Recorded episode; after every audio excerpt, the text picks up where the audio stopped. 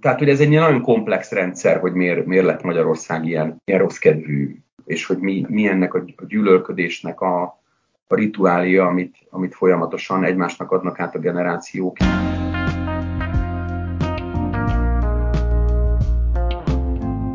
Te a Kalandvágyból külföldre podcastot hallgatod, én Dóra vagyok a házigazda. Hallottál már az Umbriai Magyar Köztársaságról, és annak fővárosáról, Todiról, ezzel az adással feltesszük a térképre ezt a festői olasz kisvárost, ami két éve a mostani beszélgető partnerem lakhelye, ahol ő és felesége megjelenik, felpesdül a művészeti, irodalmi élet, Utas és Holdvilág című ötnapos túrájukra nehéz szabad helyet találni, annyira népszerű ez a Szervanta regényének helyszíneit bejáró program hogy miért éppen Todi, és hogy milyen ott az élet, kiderül az adásból. Péter Figergely, József Attila díjas író országváltásának története következik. Ha tetszett az adás, nyomj egy lájkot, és hogy ne maradj le a következő részekről, iratkozz fel a csatornámra. Szevasztok hallgatók, Péter Figergely vagyok, és író, és Olaszországban élek most már két éve. Most volt október 8-án a a második évforduló, és írtam egy csomó könyvet, és most is könyvet írok, megcsinálok mindenféle projektet. Legújabb művészeti kulturális projektünk az Umbriai Magyar Köztársaság névre hallgat. Meg nagyon sok összetevője van. Egyrészt egy művészeti akadémiát hoztunk létre itt Tódi központtal, és ezen sok száz hallgató tanul kreatív írást. Gyerekkurzustól felnőtt kurzuson át mindenféle kurzusaink vannak, alapítottunk egy folyóiratot, amelynek sok tízezer olvasója van most már, Felhőkafé, webcím az felhő.café, Facebookon Felhőkafé, itt nagyon sok írás jelentettünk meg a hallgatóinktól, van gyerekkurzus, amit kiváló munkatársaink, Jocó bácsi, ki nagyon népszerű a Facebookon, és egy kitűnő tanítványunk, Pásztor Andrea tart. Szóval, hogy nagyon sok mindent, sok mindent csinálunk Péter Finovákévával a feleségemmel, aki szintén kitűnő könyvek szerzője és aktív közéleti szereplő elég nagy forgalmat bonyolítunk a Facebookon, sok tízezer követővel, szóval nagyon intenzív életet élünk, és amit még csinálunk az, hogy itt Olaszországban a Szerb Antal utas és holdvilág túrákat vezetünk. Holnap kezdődik az idei utolsó ilyen túra, idén már volt öt, és végigjárjuk az utas és holdvilág helyszíneit. Egy ilyen ötnapos kirándulás, és nagyon szeretik a, a, a magyar olvasók, akik a Szermanta rajongói, és akiket megérintett ez a regény. Hát aki ezt a regényt elolvasta, az tudja, hogy, hogy, hogy az emberbe azonnal föltámad a vágy, hogy úristen, én ide el akarok menni, és látni kell Gubiót és minden. Ezt nagyon szeretjük, én rengeteg hiszen sok mindent elolvastam ezekről a városokról, és akkor mesélek mindenfélét ezekről a helyekről. És nem utolsó sorban irgalmatlanul jó vendégükbe járunk. Olaszországot nem lehet gasztroélmény nélkül végigcsinálni elképesztő sok mindent csináltok, majd erről is beszélünk. Mielőtt Umbriáról és a ti ottani életetekről beszélünk, az az első kérdésem, hogy éltélek korábban, éltetek-e korábban máshol külföldön? Hát ilyen éveket nem, de, de sok hónapokat igen. Tehát mindenféle ösztöndíjon, tanulmány ösztöndíjon, meg irodalmi ösztöndíjakon, mindenféle helyén, helyein voltunk a világnak. Tehát én Berlinben, meg Bécsben voltam sok hónapos ösztöndíjakon, és voltunk több hónapos ösztöndiakon Pekingben, meg Shanghaiban, a feleségemmel ott voltunk ösztöndiakon, szóval, hogy, hogy nagyon, meg hát egyébként meg nagyon sokat utaztunk mindig. Hogy ezt, hogy éveket élni valahol, utamosan, az, az most van először. És az, amikor eldöntöttétek, hogy akkor életvitelszerűen, és esetleg éveken keresztül valahol máshol éltek, az a pillanat, az megvan neked? Tehát fel tudod idézni, hogy mi volt az, amikor elkezdtetek erről beszélni? Hát ez már jó sok évvel, ez, szóval már azért nagyon sok éve töprengünk azon, hogy, hogy hát azért Magyarországon művésznek lenni, meg, meg liberális közéleti embernek lenni, az, azért az nem egy felhőtlen vidám dolog, és aztán ahogy ez egyre reménytelenebb és egyre sötétebb lett a helyzet, úgy, úgy éreztük, hogy ebben nem kapunk levegőt ebben a közegben, és ez, és ez aztán egyre, egyre inkább így lett. Sokat töprengtünk, vaciláltunk, de hát még kicsik voltak a gyerekek, még gimnáziumba jártak, még ez, még az, még amaz. Ugye mi nagyon bonyolult patchwork család vagyunk, tehát még csak azt se lehet mondani, hogy akkor mindenkit vonunk alá kapunk és megyünk, mert, mert bonyolult a családi helyzet. És aztán, amikor a gyerekek nagyok lettek, és elmentek egyetemre, meg, meg külföldre, akkor döntöttünk úgy, hogy most már szabad, szabad az út előttünk is. És aztán ez egyre konkrétabbá vált ez a terv, és aztán ezelőtt egy a három, három és fél évvel már itt tényleg minden nap nézegettük a, az ingatlanos oldalakat, és, és számolgattunk, és néztük, hogy milyen távolságra, hol, mennyi idő az utazás, mennyi lemenni autóval, mennyibe kerülnek az ingatlanok, mennyi a bérlés, és aztán így szép lassan kialakult, hogy, hogy valahol ebbe a közép-itáliai régióban a, a legoptimálisabb mindenféle szempontból nekünk, mert hogy egy napi járóföld autóval, és az ingatlanárak is nagyon jók, meg az élet az szintén nagyon olcsó, ugye Magyarországhoz képest is már mindenütt olcsó a világ. Úgyhogy ezek a, ezek a szempontok aztán szépen lassan egyre konkrétabb kontúrokat rajzoltak ki, és aztán végül meg egyszer csak az történt, hogy, hogy Éva rámutatott egy ingatlanra, hogy ő ebben most beleszeretett, és akkor én pedig beültem a kocsiba, lejöttem, és intézkedtem. Hú, ezt, ezt majd részletesebben meséld el. Akkor ebbe egyetértettetek ezek szerint, hogy Olaszország lesz. Igen, annak volt spanyol, tehát mindenképp dél, tehát mindenképp az volt, hogy mediterrán, és nézegettünk Spanyolországot is nagyon sokat, de aztán végül döntöttünk, hogy Olaszország. És az, hogy Umbria, az, az honnan jött? Hát az misztika, az mágia, az abszolút mágia, tehát az, hogy pont abba a városba szeretett beleéva egy, egy ingatlanba, ami az Ulpiusok szülővárosa, már az az eredeti család, amelyből Ulpius Trajanus is származik, és akikről a Cervantal az Ulpius nevet kölcsönözte, hogy, hogy ez pont itt van. Ez teljesen sorszerű, ez teljesen sorszerű volt. És amikor, amikor szembesültem ezzel a dologgal, mert amikor, amikor idejöttem, akkor ezt még nem tudtam előre. Mi egy ingatlant néztünk ki, meg egy, egy szép várost, és aztán gondoltam, hogy majd, majd kiderül, hogy milyen, majd, majd itt lakva kiderül, hogy most akkor ez a város, vagy más város.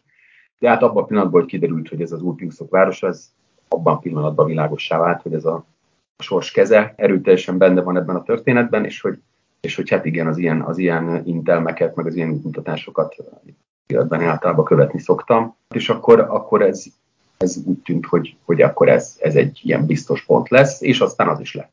Keresgéltetek az interneten ingatlanokat, és azt mondtad, hogy a, végül is az Éva talált egyet, és te fogtad magad kocsiba, ültél, és elmentél megnézni? Ez pontosan így történt. Megpróbáltam persze előre, amennyire csak lehet biztosakat megtudni az ingatlanról, tehát kontaktáltam az ingatlanossal, meg mit tudom én, de hát minden csak akkor derül ki, amikor az ember ott van és helyben van, és akkor eltelik pár hét, és akkor látja, hogy hogy zárnak az ablakok, meg milyen a fűtés, meg hogy folyik a víz, stb. De hát egy, egy nagyon, szerencsére egy nagyon jó ingatlanosra találtunk, és egy nagyon jó ingatlanokkal teli városra, és az az első lakás is nagyon jó volt, abban egy, egy fél évig voltunk, és aztán váltottunk, tehát átjöttünk egy még jobban. És hát ezek a szokásos dolgok döntöttek aztán egy még jobb mellett, hogy kevesebbe kerül a, a fűtés, mert jobb a szigetelése, meg jobb az elosztása, mert ugye állandóan az összes gyerekeink jönnek vendégeskedni, meg a barátaink. Nagy lakás kellett sok szobával, meg tetőterasszal, meg minden, tehát hogy, hogy aztán az ilyen szempontok döntöttek egy még jobb ingatlan mellett. A várost azt akkor láttátok először, vagy voltatok ott korábban? Nem. Én korábban jártam Umbriában, tehát a kötelező Umbria kör, tehát ez a Perugia, Assisi, Spoleto, ezt megcsináltam ezelőtt már 40 évvel, és aztán többször is jártunk Olaszországba, de aztán ezt az, ezt az útvonalat, ami aztán Perugiától Terni, Róma fele vezet, ezt mindig, mindig a másik irányból tettük meg, tehát Assisi felől mentünk, tehát hogy ez, ez az útvonal kimaradt. Így aztán Tódit életemben először akkor láttam, amikor idejöttem. Gondolom tipikus olasz módra van egy centro sztorika. Így van, van egy jó kis centro sztorika a, a hegy tetején. Ez ugye egy, egy elég magas hegyen épült város. Hegyes. Asztja rendesen a, az autókat, meg a bringásokat, köztük főleg engem. Szóval ez egy jó magas hegyen van, és egy viszonylag kis hegytető, viszonylag magasak a házak, mert nem nagyon volt hova terjeszkedni a, a római korban és a középkorban sem és egy elképesztően festői fekvésű hely, csodálatos kilátással egyrészt a Tevere völgyére, Perugia felé, és dél felé, Róma felé a, a Terni medencére, és, és a Gran Sassóra, és ugye a, a, az Abruzzói Alpokra. És egy ilyen nagyon fontos földrajzi ponton van, tehát a, a Tevere völgyét ez a város, vagy ez a domb védi gyakorlatilag, tehát Perugia felé itt van az egyetlen átjáró, és ez mindig ezért történelmileg ez mindig egy ilyen kiemelten fontos pont volt. Rengeteg etruszk emlék van a városban, tehát az etruszk városfal, meg városkapuk. Nagyon sok római emlék, amfiteátrum, meg efféle jó, jó, nagyon jó állagú romok. és hát egy csodálatos középkori városmag, amely hát gyakorlatilag így a, a 16. századra itt már minden felépült. Tehát a 16. századi képeken Tódi pontosan ugyanígy néz ki, mint ma. És a, az új város pedig ugye nem tudta város köré épülni, mert a hegy meredek, hanem egy ilyen egy dobháton folytatódik a, az új városrész. Tehát a, a Centro Storico az ilyen teljesen intaktú külön maradt a város, városfallal mindennel, és ez ettől, a, ettől van egy ilyen egészen festői atmoszférája a városnak. És hát iszonyú jó városok vannak a környéken. Egyrészt rengeteg kis borgó, ezek a, a tízházastól a százházasig, a pár, pár, pár ezres nagyobb borgóig keresztül a pici, egészen pici városokig, és hát ezeket imád, imádjuk bejárni, és imádunk ezek között bringázni, meg kirándulni. És egy köpésre van Róma, 100 kilométerre van Róma, tehát nagyon könnyű innen Rómába bejárni, ezt gyakran meg is tesszük, tehát egy csomószor van az, hogy én le megyek kocsival Ternibe, ott beülök a vonatra, és akkor egy óra múlva szállok a Terminin, és akkor egész nap Rómába vagyok. És hát a környékbeli két nagyváros is nagyon jó. Perugia, hát ugye az egy nagy egyetemi város, és művészeti élettel. Terni pedig az egy, az egy modern nagyváros, tehát az egy, az egy nagy iparváros, és hihetetlen színes, multikulti élet van benne, és egy nagyon, nagyon élő, nagyon igazi, nagyon dübörgő város. Egy olyan igazi ola, olasz város az olaszoknak, szóval az nem egy turista város, és ezért is nagyon szeretünk oda járni, mert, mert ott tényleg nem a, nem a parasztpakítás van az étteremben, meg, tehát ott tényleg az van, amit, amit itt a helyiek szeretnek, és ahogy azt szeretik, és azért nagyon sokkal jobb az élet minősége, meg a vendégök minősége. Tehát, hogyha az ember elmegy Assisi-ba, akkor borzalm, borzalmakat tömnek belé, meg borzalmas dolgokkal verik át.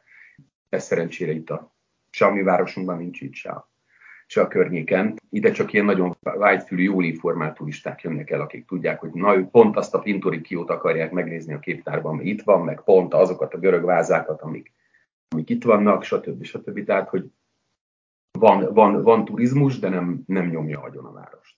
Milyen nyelvtudással mentetek ki, hogy mi volt a kommunikáció, a nyelve? Hát én latinos voltam, tehát latin, latin szakot is végeztem a, az egyetemen. Az olasszal úgy mindig, mindig barátságban voltam, tehát mindig ránéztem egy szövegre, akkor láttam, hogy hát én ezt kb. értem. És aztán, amikor ez lett, hogy akkor jövünk, akkor pedig barom intenzíven elkezdtem az olasz, és most már tök jól megy, tehát és nagyon élvezem. Tehát, hogy azért az olaszul beszélni, az, az nagyon élvezetes dolog, meg olaszokkal beszélni. Egyébként meg nekem angol, angol meg német nyelvtudásom van a latin meg az ógörög. Az, azon elég nehéz társalogni mostanában bár, bárkivel. De, de olvasni nagyon jó. Ugye az olasz városokra főleg mennél délebre van, annál inkább jellemző, hogy a fiatalok elszivárognak, elmennek szerencsét próbálni külföldre, északra, ez Todira, mennyire jellemző, milyen a kor összetétel? Úgy Todinak azért van szerencséje, mert, mert ez egy olyan regionális központ, van vagy négy vagy öt gimnázium, meg, meg van három főiskola, tehát rengeteg fiatal van benne, folyamatosan rengeteg fiatal tartózkodik a városban, de hát nyilván a, ez az, ezek az általános nagy olasz tendenciák, ezek itt is érezhetők, tehát ugye nagyon viharosan öregszik el az olasz társadalom, nagyon rosszul néz ki a korfa Olaszországban, és, és hát a, a század végére, ahogy kinéz, tehát hogyha a bevándorlási helyzet nem javít ezen, akkor, akkor megfeleződik Olaszország lakossága a, a 21. század végére. És ez itt is érzékelhető, meg a környékbeli borgókon is érzékelhető. Ugye itt nincsenek falvak Olaszországban, tehát vagy az a fajta falu fogalom, ami Magyarországon van, az, az itt nincsen, tehát hogy minden város, és ha már, ha már két utcánál több van egy, egy városkában, akkor már van benne színház. Ez egy nagyon szép dolog, hogy tényleg egy, egy 500 lakosú városnak is van saját színháza, amire rettenetesen büszke. Tehát ezek városok, igazi városi élettel, itt nincs, nincs falu, és ezekből a városok, kisvároskákból azért nagyon erősen mennek el a fiatalok, és nagyon intenzíven jönnek be a, az északi gazdagok, és meg délről is, tehát nagyon rengeteg ausztrál. Itt a városban is van egy nagy komoly ausztrál közösség. Meg nagyon sok amerikai van, meg nagyon sok angol van, nagyon sok német van, tehát hogy nagyon komoly expat közösségek kezdenek kiépülni, meg most már nagyon sok magyar is van, mert ugye már nem csak mi vagyunk itt, hanem Ungariai Magyar Köztársaságban már többen beköltöztek. Tehát, hogy van egy ilyenfajta bevándorlás, egy ilyen diplomás vagy művész bevándorlás, hogy ezekben az elhagyott és olcsó megszerezhető ingatlanokban egyre többen jönnek. Másodszor említett, hogy olcsó ott az ingatlan, egy ilyen hozzávetőleges árat egy átlagos, mondjuk 60 négyzetméteres lakáshoz tudnál. Az már, az már simán megvan 100 ezer euróban vagy még kevesebből. Tehát, hogy, tehát tulajdonképpen már 50 ezer euróért lehet kapni házat a városban négy öt szobával is. Tehát 50 és 100 ezer euró között fantasztikus ingatlanok. Van, amelyik felújított, van, amelyik kevésbé felújított, de hát a budapesti árak töredékért lehet. Ahogy elmeséled, nekem úgy tűnik, hogy ilyen pesgő, kulturális élet van ott, ahol ti vagytok, meg hát amit itt az elején felsoroltál, az elképesztő. Ti ott helyben is szervezitek ezeket a dolgokat? Említetted ezt az umbriai magyar köztársaságot, tehát erről is okvetlen mesélj. Kik a tagjai? A tagjai, mi vagyunk ugye az alapító tagok évával, és aztán egyre, egyre másra kaptuk a a leveleket, hogy mit javasolunk, hogy hogy kell kiköltözni, hogy lehet kiköltözni, javasoljunk ingatlanost, stb. stb. És akkor idővel egyre többen érkeznek magyarok, akik kiköltöznek, ugyanúgy, ahogy mi költöztünk az Unió egyik országból az Unió egy másik országába, tehát hogy ez e, azok a fajta stereotípiák, amelyekkel nagyszüleink, diszidálók, emigrálók, stb. átszökök a határon típusú romantikáját, ezt, ezt ugye az, a, a jogi keretek teljesen fölülírták, tehát az ember oda költözik az unión belül, ahova úri kedve tartja.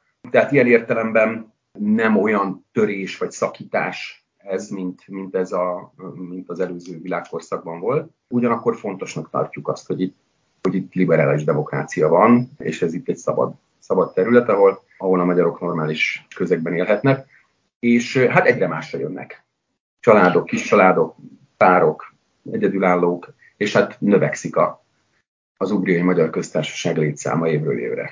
Összejártak? Vannak programjaitok? Persze, persze, abszolút járunk össze, persze, és abszolút tartjuk a kapcsolatot, és éljük az itteni életet. És hát ugye, ahogy az olasz városokban szokott lenni, itt is nagyon intenzív a közösségi élet, tehát hogy minden hétvégén van valami közösségi esemény, hol ilyen vásár, hol olyan vásár, hol ilyen fesztivál, hol olyan fesztivál, hogy egész nyáron egymást érik a, a különféle művészeti fesztiválok. Ez ilyen nagyon képzőművészváros, tehát rengeteg galéria van, rengeteg, rengeteg festő van, rengeteg szobrász van, intenzív a művészeti élet hagyományosan. Nagyon sok az amerikai művész, itt egy, a 60-as években egy, egy nagyon jeles amerikai szobrász, egy Beverly Pepper nevű ilyen brutalista szobrászat, Lendart stílusban alkotó művész ütött itt anyát, és az, azóta egyre másra jönnek ide, és települnek az amerikai képzőművészek. Ennek itt van egy nagy hagyománya, van egy nagy alapítvány, ami a művészeti életet segíti, illetve hát fiatal képzőművészeknek lehetőséget teremt. Úgyhogy ez egy, egy ebben nagyon jól benne lehet lenni ebben az állandó művészeti életben, meg állandó fesztiválokban, és minden hétvégén van valahol valami zene, valami koncert, és hát ez a nyüzsgő, nyüzsgő itáliai élet, ez, ez is működik, miközben persze közben nagyon csendes hétköznapok lenni. Tehát amikor tényleg délelőtt az összes gyerek bemegy a, a gimnáziumokba, és nem tudom, akkor, akkor a légyzűmögést is meg lehet hallani. Elcsendesül minden, de hát aztán estére pedig belendül az élet. Arra tudjátok, hogy ezt a fajta olasz életstílust átvegyétek, ami oly jellemző rájuk, hogy ugye kiülnek a terekre, beszélgetnek, leszólítják egymást, esetleg a, nem tudom, van-e a városnak korzója, de hát ugye este hat fele ott elindul a felalás, sétálás, egymás outfitjének a méregetése, és egy-két szóval megbeszélni, hogy éppen kivel mi történt, az, vagy ilyen ez, ez, nagyon, ez nagyon aranyos, ez, ez mindig mindig nézni. Hát nem teljes intenzitással persze nem vagyunk ebbe benne, de nagyon-nagyon sokszor, tehát nagyon sokszor utcunk ki a városban, és nem szeretünk este kimenni erre, és akkor nézni a, nézni a többieket, meg, meg haterkázni, meg aperolozgatni az alkonyatban, szóval ezek a, ezek a szokásos, szokásos itáli, itáliai életmódbeli dolgok, ezekben nagyon jó belecsöppenni, nagyon szeretjük a nagyon jó vendéglőket. Az élet édességei, amit hagyományosan nagyon bőven kínál Itália, azt azt persze mi is kielvezzük. Ugye írók vagytok mindketten. Azt lehet mondani, vagy olyan van, hogy mondjuk inspirálóbb az a fajta környezet az írásra, mint mondjuk a kisoroszi környezet, ahol itthon éltek? Nem, ezt így nem lehet, nem lehet így, így összevetni, tehát hogy, hogy az, ezek mindig belső folyamatoktól függenek, de a közérzet jobb, ezt mindenképpen mondhatom. Tehát, hogy, a, hogy az általános emberi atmoszféra, az ember és ember közötti iszony, az utcán a hangulat, az emberek kedve, ugye ez az, az, az egészen más itt, mint Pannóniában, és ez, ez nagyon inspiráló, tehát az, az nagyon üde és üdítő, hogy nem kell ezt a folyamatosan deprimáló haragot a bőrünkön érezni, amely Magyarországot meghatároz. Amikor elhatároztatok, hogy elköltöztök, gondolom volt valami a fejetekbe, egy, egy kép, egy, egy, egy vágy, egyfajta életre. Ezt megadja nektek, Todi, amit kerestetek, amire vágytatok? Tulajdonképpen igen. igen. Tehát az, hogy benne lenni ebben a folyamatos kihívásban, hogy akkor élni egy új közegben, megtanulni, fölfedezni mélységében egy új világot, úgyhogy tényleg tudjam, hogy ott a három hegy mögött melyik dűlőút merre kanyarodik, hogy, hogy tudjam, hogy melyik városban mi történt, meg hogy hogy élnek ott az emberek, meg, meg mit tesznek, meg, meg román vendégmunkások az erdőn, hogy vágják a fát, szóval, hogy, hogy ez, ez egy óriási kaland. Tehát ez egy, ez egy olyan hatalmas, hatalmas kaland, a megismerés egy kimeríthetetlen kalandja, és hát ez egy nagyon más világ, mint a magyarországi világ, és ezt a nagyon másságát nagy élvezet folyamatosan felfedezni, ennek folyamatosan utána menni, folyamatosan utána olvasni, hallgatni a különféle nyelveket, a különféle dialektusokat. Szóval, hogy ez egy, ez egy nagyon jó kaland, és nagyon üdén tart bennünket. Többször említed a kaland szót. Íróként hogyan fogalmaznád meg, mi a kaland? Hát a kaland az, hogy, hogy folyamatosan váratlan helyzetek elé kerül az ember, amelyeket leleménnyel újra és újra megold, kiverekszi belőle magát, belemerül, megismer, tapasztal, felismer, rájön, újra gondol, átértékel, tehát hogy, hogy nem egy állandóságban berögzült állapot, amelyben mindent ismer az ember, és mindig ugyanaz a rutin ismétlődik, hanem valami olyasmi, ahol nincs rutin, mert hogy mindig valami új történik.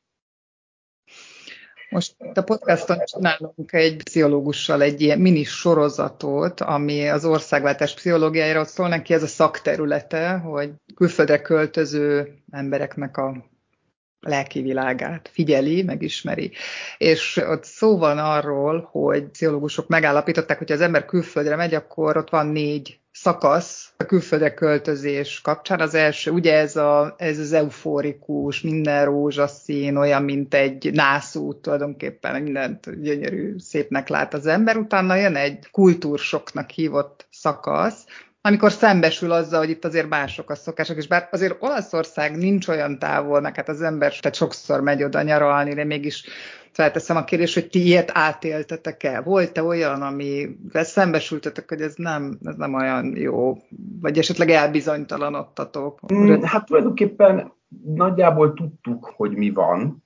Tehát az, amikor tényleg fűsenő, mert 15 óra utána az összes vendéglő bezár, és este hétig nem nyit ki semmi, vagy tényleg, amikor itt beáll a siesta, és akkor, akkor tényleg semmi sem mozdul, az azért az, az, az, nagyon érdekes, az nagyon érdekes, és azt, azt az életritmust nem is, nem is tudjuk át, átvenni, tehát nekünk nincs ez a három órás siesta beleégve a vérünkbe. De egyéb, egyéb dolgok meg nem nagyon vannak, ami, ami váratlanul ér. Vagy ami, vagy ami dühítő, vagy ami bosszantó, vagy ami nem úgy van. Nem tudom miért, ugye ez, ez, ez mindig előfordult az, az interjúban, amiket, amikor én beszélgettem a, a külföldre költözött magyarokkal, hogy, hogy hát mi volt az, ami, az, amire nem gondoltak, és akkor mindig, mindig van valamilyen válasz, hogy hát azért itt az emberek, emberek nem fogadnak be, vagy hát azért itt mégiscsak a gyerekkori óvodás játszópajtások tartanak össze, és az újakat nem fogadják be, stb. De hát ezt megtudtuk. Tehát, hogy, hogy nem is gondolunk úgymond úgy beilleszkedni, ahogy egy, egy helybeli él, tehát mi abban az expat közösségben vagyunk, akik itt szintén ugyanúgy beköltözők, mint mi, és hát ez egy olyan fajta értékközösség, amivel viszont közösek az értékeink, és közös a, a helyzetünk. Úgyhogy valószínűleg ezek a dolgok megóvnak attól, hogy, hogy ezzel nagyon szembesülni kéne. Meg hát ugye nem is vagyunk mai csirkék, tehát nem az van, hogy hát nekünk majd itt kell dolgozni, meg majd nekem nekem bejárom majd a Perugiai Egyetemre tanítani, hanem, hanem hát az van, hogy csináljuk a saját bizniszeinket, és ehhez nem kell, nem kell nekünk úgymond az itteni életmódban, meg az itteni, az itteni rendszerekbe beleállni. Hogy telik egy átlagos napotok? Délelőtt többnyire írás van, délután pedig a, a különféle dolgoknak az adminisztrálása, meg fenntartása, tehát ezeknek a, az utas és holdvilágtúráknak a szervezése, akkor alapítottunk egy könyvkiadót, Felhőkafé könyvek kiadó, van Budapesten üzlettársunk, alkalmazottunk, aki az ottani dolgokat intézi, és mi pedig itt foglalkozunk a kéziratokkal, meg döntünk, hogy mit adunk ki, meg terveket készítünk, meg tehát délután vannak a, az ilyen tennivalók, és akkor a kettő között pedig van ingázás, meg sport, meg nyáron szodába járás, meg tenger, tengerpartra járás, télen pedig kirándulás, meg ingázás, mert hát ugye azért annyira nem bír itt lenni, hogy az ember azért ne tudna ciklizni egy jót. Miről szól ez az utas és holdvilág túra? Ugyan említetted, hogy a Szerbantal könyv nyomán, gondolom, hogy a helyszíneket járjátok be, de meddig tart, milyen részei vannak ennek a túrának? Ez úgy néz ki, hogy mindig szerdától tart hétfőig, és ez mindig úgy néz ki, hogy minden napra van két városunk, elindulunk, és akkor elmegyünk Assisi-ba, és utána elmegyünk Spellóba, másnap elmegyünk Folinyóba, megnézzük a kórházat, ahol a történet szerint Mihály betegeskedett, ahol megismerkedett az angol doktorral, ahol megismerkedett Millicenttel, megnézzük azt a kávéházat, ahol a történet szerint a nagy beszélgetések zajlottak, és a nagy megismerkedés. És aztán elmegyünk Trevibe, ami egy egészen csodálatos város fönt, egy, egy magas hegy tetején, egy egészen különleges város. Aztán megnézzük Perugiát, ahol ugye Mihály, ugye amikor eltéved, Terentolába más vonatra száll, és Erzsi megy tovább Róma felé, és ő pedig, ő pedig rosszra a száván ugye saját útját kezdi el járni, ahol jár, és aztán elmegyünk Gubbioba. És az az utolsó kirándulási napunk vasárnap, amikor fölgyalogunk aztán Szent Ubádó kolostorához, ahol Ervin töltötte szerzetes éveit, és, és hát az egy, az egy nagyon komoly séta, ugye ott azért az elég magasan van a hegytetőn, és akkor az, az a vasárnapi zárása ennek a, ennek a kirándulásnak. Minden nap olyan, olyan 10-12 kilométert megyünk, tehát hogy elég sokat megyünk ezekben a városokban, sokat csatangolunk, és hát én, mindenféle ilyen különleges zeget zugot megmutatok. Nyilván az ember azt hiszi, megy, akkor persze, hogy megnézi a San Francesco-t, meg lemegy a Szenthez, és megnézi, hogy hogy van, meg, meg fölmegy a, a Barbarossa Frigyes várába, a Rokkába, de hogy vannak olyan zegei zugai a városnak, amelyek eh, nincsenek benne feltétlenül a az átlagos útikönyvekbe, és akkor én, én az ilyen hidden secreteket szeretem megmutatni ezekben a, ezekben a városokban. De hát végig megyünk azokon a helyeken, ahol, ahol a könyv szerint Mihály végigment, és végig tapasztaljuk ezt, a, ezt az utat, és, és hát azt, a, azt az umbriai varázslatot hagyjuk magunkon megtörténni, amely Mihályjal is megtörtént. Ugye említetted, hogy van sok gyermek. Ők, ők hogyan fogadták azt, hogy ti elmentek? Felnőtt emberek, tehát abszolút örültek, örültek ennek, és hát örültek, örülnek annak is, hogy van egy állandó olyan hely, ahova mindig lehet jönni, tehát mindig van, hogy csak egy-egy hétvégére leszaladnak, vagy nyáron ugye sok időt töltenek itt, és, és hát ezzel mindenkinek tágult. Tágul a horizontja, tágulnak a lehetőségei, de ez minden, minden, minden szempontból csak pozitív hiszen nyilván eljött az életünkben az idő, amikor be kellett látnunk, hogy már nem úgy van szükségünk, szükségük a gyerekeknek ránk, ahogy, ahogy a kisgyerekeknek van, tehát hogy, hogy nem, nem egy ilyen napi ügymenetről van szó, mert hát mindenki éli a saját életét, él a saját párjával, tehát bizonyos fokig funkciónk a szülőként az, az, az megváltozott, tehát mondjuk így, hogy kirepültek a gyerekek, és ilyenkor ez minden, ez minden ember életében egy, egy olyan pillanat, amikor ki kell találni aztán valamit, hogy mit, mit fog kezdeni magával. És ezekben a megváltozott feladatkörökben mi most így, így találtuk meg a helyünket egy ilyen kalandal. Egyszer az egyik interjú lenyem azt mondta, hogy ő kötelezővé tenni mindenki számára, hogy legalább pár hónapot külföldön éljen. Mit gondolsz erről? Maximálisan. Tehát, hogy ugye ez a szép, szép középkori céhes rendszer is úgy működött, meg hát az egyetemi rendszerek is úgy működnek, meg erre van az Erasmus, meg el, mindenféle kitalálva, hogy egy, egy ember lehetőleg ne úgy nőjön föl, hogy nem, nem élhetett húzamosabb ideig, egy fél évet legalább külföldön. Nagyon beszűkít ennek a hiánya. Tehát, hogy olyan perspektívák, olyan horizontok hiányoznak akkor, hogyha ez nem történik meg, ami nélkül nagyon nehéz fogalmat alkotni arról, hogy mi történik a világban, meg, meg milyenek az emberek, hogy hogy is mennek a dolgok. És azt gondolom, hogy igen, tehát ezt kötelezővé kéne tenni, illetve hát mindenkit arra kell bíztatni, hogy, hogy még van, van erre lehetősége, azt mindenféleképpen ragadja meg. Ez nagyon, nagyon fontos, mi is ezt elmondjuk állandóan a gyerekeinknek, szerencsére nem kell őket túlságosan ögdösni, úgyhogy ez, ez elkerülhetetlenül fontos. Mondunk milyen cifrábat is persze, hogy, hogy nem, biztos, nem biztos, hogy a következő évtizedekben érdemes lesz Magyarországon egyáltalán lenni, hogy nagyon sötéten néznek ki a dolgok. Nyitottak erre? Hát nagyon is. A legnagyobb fiam már 7 éve Németországban él, a kisebbik fiam is most megy ki Németországba tanulni, tehát én eddig is sűrű vendég voltam Berlinben, de most majd még sűrű, még sűrűbb vendég leszek. A nagylányom pedig most Rómába jön, pszichológia mestert Rómában fogja végezni.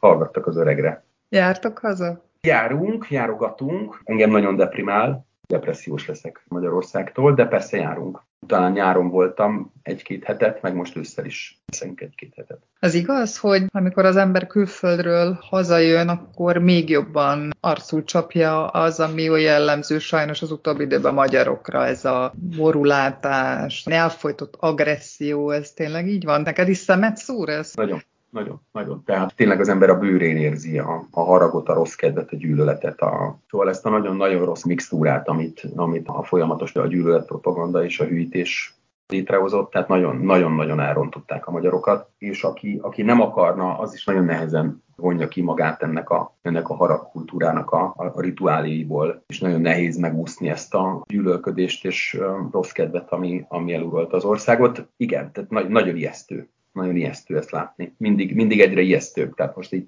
minél többet vagyunk itt, annál, annál ijesztőbb ebbe, ebbe belelátni. Máshol is van nehézség, és hogy többet süt a nap, és azért bírják ezt jobban az emberek? Ugye Magyarországon mindennek csak az egyharmada van. Az országnak is csak az egyharmada maradt. A, a multikulturális, igazi nagyvárosokat, azokat leszették Magyarországról. Tehát az a, a felvidék nagyvárosai, Erdély nagyvárosai, délvidék nagyvárosai, ezek elmentek, és mindenből csak a B, B város maradt. Tehát, hogy Nagyvárad helyett ugye Debrecen, ami annak az elővárosa, Kassa helyett annak a külső elővárosa Miskolc, és így tovább délvidéken is ugyanígy. Tehát, hogy ez egy nagyon komplex rendszer, hogy miért, miért lett Magyarország ilyen, ilyen rossz kedvű, és hogy mi, mi ennek a gyűlölködésnek a rituália, amit, amit folyamatosan egymásnak adnak át a generációk, és, és amivel annyira el, elrontják, elrondítják egymásnak a, az életét az emberek. Szerintem ezt nem fogjuk tudni megfejteni egy akár 10 podcast alatt sem, de hogy ez egy, ez egy olyan komplex rendszer, amiben nagyon rossz fele alakulnak a dolgok, és hát a, az utóbbi tíz év gyűlölet propagandája és agymosása az pedig, amit lehetett, azt még tovább rontott ezen. Mi a tervetek a jövőre nézve? Nem tudom igazán. Tehát most itt jó. Tehát most itt nagyon jó. Ezt itt fogjuk sokáig csinálni, és aztán, hogyha majd egyszer azt gondoljuk, hogy, hogy ez nem jó, akkor majd kitalálunk valami mást. De most ez egyelőre még nagyon jó, és meglátjuk, hogy meddig marad a dolog jó, vagy majd, vagy ilyen jó, meglátjuk. Hogy lehet, hogy aztán át, átmegyünk egyszer csak pár év múlva egy, egy másik országba, de lehet, hogy abszolút itt itt maradunk ezzel a többé-kevésbé ilyen két laki, de hát nem igazán két laki, mert hát mégis itt lakunk, csak otthon. A házunk az ugyanúgy megvan. Nincs, nincsenek ilyen, ilyen lefixált hosszú távú tervek, most egyelőre így élvezzük a, ha nem is a pillanatot, mert azért annál, annál egy kicsit távolabb látunk, de, de most élvezzük ezt a helyzetet.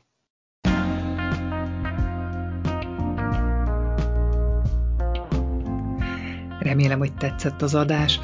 Ha nem szeretnél lemaradni a következő epizódokról, érdemes feliratkozni a csatornára. Találkozunk a következő részben jövő szerdán.